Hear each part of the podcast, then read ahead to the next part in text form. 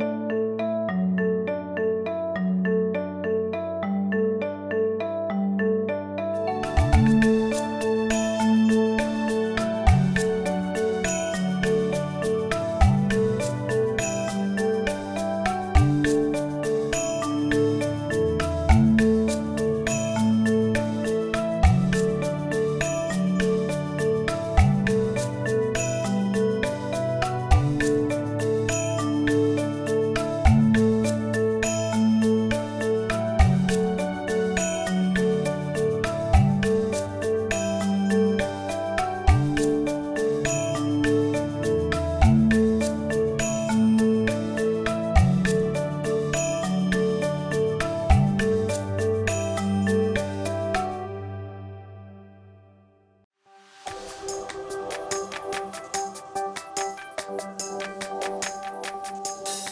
ဝက်ပြည်သူများအားလုံးပဲမင်္ဂလာပါခင်ဗျာအပတ်စဉ်တင်ဆက်ပေးနေကြဖြစ်တဲ့တပတ်တာအကောင်းဆုံးဘောလုံးပွဲစဉ်များအစီအစဉ်ကနေပြီးပြန်လည်ကြိုဆိုလိုက်ပါတယ်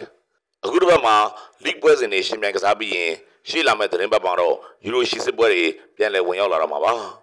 ဒီတစ်ပတ်ရှင်ပြိုင်ကစားမယ့်ပရီးမီးယားလိပွဲစဉ်တွေကအသင်းကြီးတွေရဲ့ပွဲစဉ်ကိုရွေးနှုတ်ပြီးတပတ်တာအကောင်းဆုံးပွဲစဉ်များဖြစ်သုံးသက်တင်ဆက်ပေးလိုက်ပါတယ်ခင်ဗျာမန်ယူလူတန်တောင်း လီဗာပူးကိုတရေခံခံပြလိုက်တာကိုကြည့်ပြီးလူတန်တောင်းကိုအထင်ကြီးလိုက်ဖို့ကခက်လွန်နေပါတယ်။အဲ့ပွဲစဉ်မှာလူတန်တောင်းကောင်းလွန်းလာတယ်ဆိုတာထက်လီဗာပူးညံလွန်းခဲ့တယ်ဆိုတာကပုံမှန်ပါပါ။မန်ယူအတွက်ကတော့ဘေးချက်နိုင်ချက်ကာလာရဲစီရောက်ရှိလို့နေပါပြီ။ချန်ပီယံလိဂ်စီမှာလည်းအုပ်စုဆင်းကနေလှည့်ပြန်ရဖို့တေချာတော့ရှိနေပြီးအခက်မသိရင်ယူရိုပါလိစီဆင်းကစားခွင့်အောင်ဆုံးချုံရဖို့ရှိနေပါတယ်။ကောင်းကွက်ရဲ့လို့မန်ယူစီမှာ သိပ်မရှိလာတော့ပါဘူး။နေရာတိုင်းကပြည့်ရွေးနေသလိုအသစ်ခုံလိုက်တဲ့ကစားသမားတွေကလည်းမျောလင့်ထားသလောက်ဖြစ်ထွန်းမလာသေးတာကိုမြင်ကြရပါတယ်။အဆိုးထဲမှာအမျက်ထွက်တယ်လို့ဆိုရမှာကချန်ပီယံလိပွဲစဉ်မှာဟော့ရှ်လန်ကဂိုးပေါက်ရှာတွေ့သွားတာပါပဲ။လူပြန်တောင်းတဲ့ပွဲမှာသာဟော့ရှ်လန်အနေနဲ့ဂိုးထပ်သွင်းနိုင်ခဲ့ရင်စိတ်သက်ပိုင်းဆိုင်ရာယုံကြည်မှုတစ်ခုပို့ပြီးရရှိသွားပါလိမ့်မယ်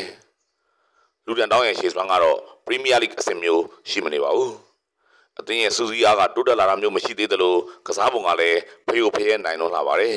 ။ဒီလိုအသင်းကမှဂိုးပြတ်အနိုင်မရခဲ့ရင်မန်ယူကိုအသင်းကြီးအဆင့်ကနေဖယ်ထုတ်ပြရတော့မှာပါ။နိုင်ပွဲလည်းအရေးပေါ်လိုအပ်နေသလိုဖီအားတွေအောက်ကနေရုံထွက်ရတော့မှာဖြစ်တဲ့မန်ယူကိုသဘောကျမိပါတယ်။နှစ်ဂိုးကိုမရှိသုံးဂိုးကိုမရှိလို့ရလာမျိုးနဲ့မန်ယူအောင်ပွဲခံသွားပါလိမ့်မယ်ခင်ဗျာ။ Chelsea Man City ရှက်စီဟာစပါးကိုဂိုးပြတ်အနိုင်ရလိုက်တာကြောင့်အတိုင်းအတာတရက်အထိယုံကြည်မှုမြင့်တက်သွားနိုင်ပါတယ်။အထူးသဖြင့်ရှက်စီကိုဥဆောင်နေတဲ့နီးပြပိုရှက်တီနိုဟာအသင်းကြီးတွေနဲ့ဆုံရင်လုတ်တက်ကင်တက်ရှိလာပါတယ်။ဒါပေမဲ့ထက်တွေ့ရမယ့်အချက်တစ်ခုကမန်စီးတီးကိုဥဆောင်နေသူဂွာဒီယိုလာကပိုချက်တီနိုရဲ့အထာကိုသိနေတာပါပဲ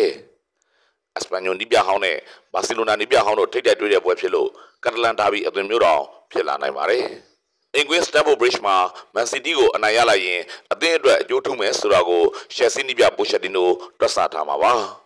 စပါးနဲ့မန်စီးတီးတို့ကိုနှစ်ပွဲဆက်အနိုင်ရလိုက်ရင်ရှယ်ဆီအတွက်ကြီးမားလာတဲ့အရွေးအသစ်တစ်ခုကျင်းသေးဖြစ်ပေါ်လာနိုင်ပါတယ်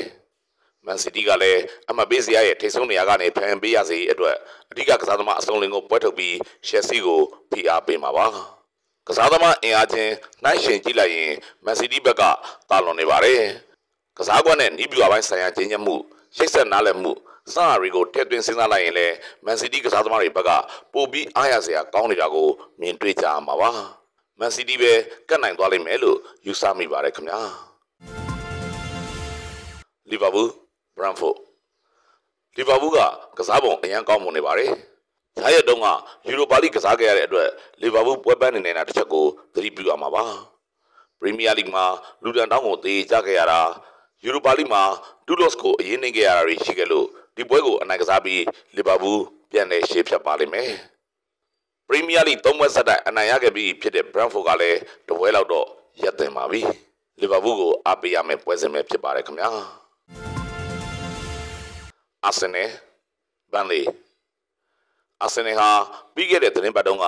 VAR ရဲ့အမှားတွေကြောင့်နယူကာဆယ်ကိုအရင်နေပြီးအထိနာခဲ့ရပါတယ်။ချန်ပီယံလိကစားခဲ့ရတာကြောင့် အာဆင်နယ်ပွဲပန်းနေမှာပါ။ဒါပေမဲ့ပရီးမီးယားလိချန်ပီယံပြည်လန်းထဲမှာဆက်လက်ရည်တည်နိုင်ရေးအတွက်ရှုံးပွဲတွေအများကြီးကြုံလို့မရဘူးဆိုတာကိုအာဆင်နယ်သဘောပေါက်နေပြီပဲဖြစ်ပါတယ်။အင်ကွင်းမှာတိုက်စစ်ကိုဖွင့်ပြီးအာဆင်နယ်ကစားသွားပါလိမ့်မယ်။အာဆင်နယ်ကိုအကြိုက်တွေ့နေမိပါတယ်ခင်ဗျာ။အနေဆုံးအဖြစ်အာဆင်နယ်နှစ်ဂိုးပြတ်အနိုင်ရရှိပါလိမ့်မယ်။ အခုဆိုရင်ဒီတစ်ပတ်ရှင်မဲ့ကစားမဲ့ပရီးမီးယားလိပွဲစဉ်တွေကအသင်းကြီးတွေရဲ့ပွဲစဉ်တွေကိုရွေးချယ်ကောင်းတော့ပြီးသုံးသက်တင်ဆက်ပေးခဲ့ပြီးဖြစ်ပါတယ်။တော့ watch ပြည်သက်တွေအားလုံးလည်းကံကောင်းမှုတွေနဲ့ဆုံးဖြတ်နိုင်ပါစေလို့ဆုမွန်ကောင်းတောင်းပေးလိုက်ပါတယ်ခင်ဗျာ။